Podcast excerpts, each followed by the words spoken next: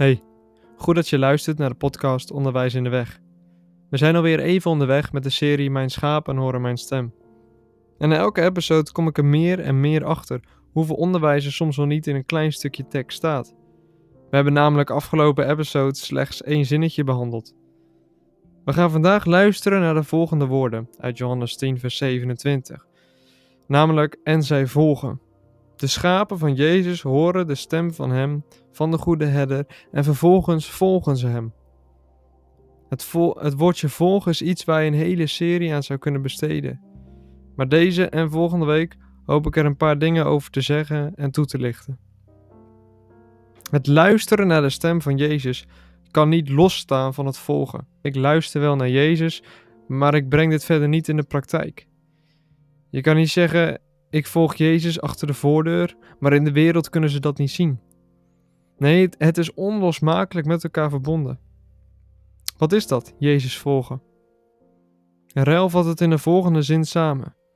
Jezus volgen, dat is onvoorwaardelijk op Hem vertrouwen, als onze Verlosser, zaligmaker, profeet, priester, koning, leidsman, gebieder en herder en eerlijk en oprecht wandelen in zijn wegen.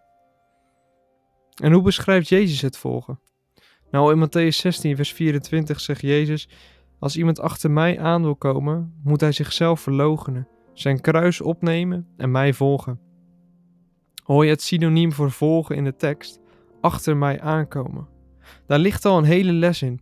Als we Jezus willen volgen, moeten we Hem ook voor laten gaan. Als je iemand volgt, kom je altijd achter die ander aan. Die ander gaat voorop en jij volgt. Dat heeft voordelen, want je komt niet op wegen die niet begaanbaar zijn. Want de ander gaat altijd voor je uit. Zijn voetstappen staan er en garanderen dat je niet uitglijdt of vastloopt. Ja, dat is volgen. Dat is ten diepste volgen van de goede herder. Zoals beschreven staat in Psalm 23. Hij leidt mij in het spoor van de gerechtigheid omwille van zijn naam. Al ging ik ook door een dal vol schaduw van de dood, ik zou geen kwaad vrezen, want u bent met mij. Uw stok en uw staf, die vertroosten mij. Zo is aan de ene kant het volgen een vertroosting, omdat de herder je voorgaat.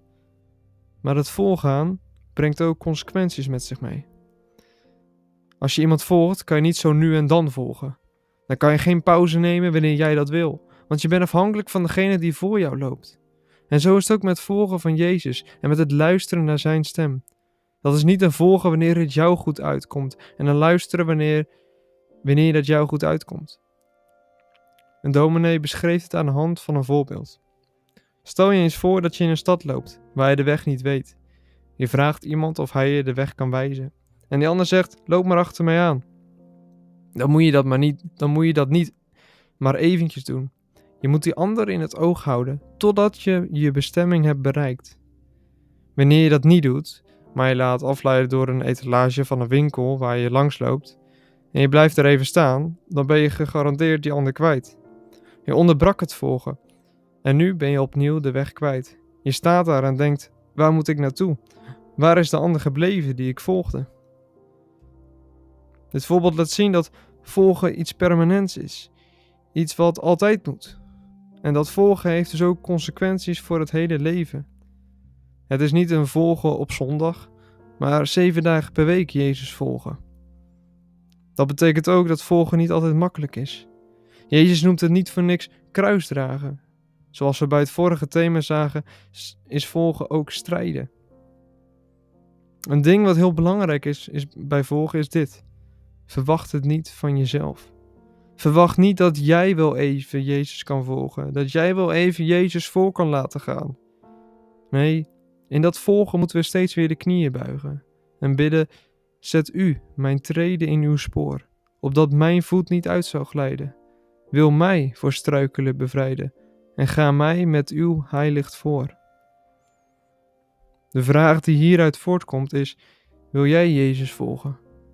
Volgen betekent namelijk niet allereerst dat je Gods wegen leert kennen en Hem daarin volgt, maar allereerst dat je wil wordt omgebogen. Want ten diepste willen we Jezus niet voor laten gaan. Ten diepste willen we Jezus niet volgen. Eigen paden gaan is veel verleidelijker. Als je Jezus leert volgen, zal je eerst leren dat je wil wordt omgebogen. Maar vraag je, hoe is het dan mogelijk dat mensen Jezus gaan volgen? Hoe moet ik dat zien? Nou, dat is nou die trekkende liefde van de Heere zelf, die het verlangen werkt om Hem te leren volgen. Ja, dat is die wil ombuigen, dat je het verlangen krijgt om Hem te gaan volgen en dienen. En dat verlangen om Jezus te gaan dienen, dat komt niet voort uit onszelf. Nee, de Heere zelf zal dat verlangen wekken in jou. Hij leert je bidden, zoals het staat in Hooglied: Trek mij, en ik zal u nalopen. En als je Jezus leert volgen, leer je alleen maar meer en meer dat je het beslist niet van jezelf moet verwachten. Dan leer je meer en meer dat het Jezus is die je roept en dat het Jezus is die je leert volgen. Maar je komt ook steeds meer tot het besef dat je ook niet zonder Hem meer wil, wil gaan door het leven. Rel beschrijft dat treffend. Zij die Jezus volgen, zullen zeggen dat ze arme, dwalende schapen zijn geringer dan de minste van al Gods genadegaven, beschaamd vanwege de weinige vruchten die ze dragen, maar toch, zwak als ze zijn, zijn ze ertoe bestemd om tot het einde toe te volgen en te zeggen: niemand dan Christus in leven en sterven, in tijd en eeuwigheid. Hoe zit het bij jou? Volg jij Jezus al? Is jouw wil al omgebogen? Heb jij leren zien dat je het niet van jezelf moet verwachten? Vandaag staat Jezus nog te wachten. Hij staat op de uitkijk zoals de vader wacht op zijn jongste zoon. Maar ook zegt hij, zoals hij zei tegen Levi de tollenaar: Volg mij. Geef jij ook antwoord aan die roep? Bedankt voor het luisteren en tot volgende week.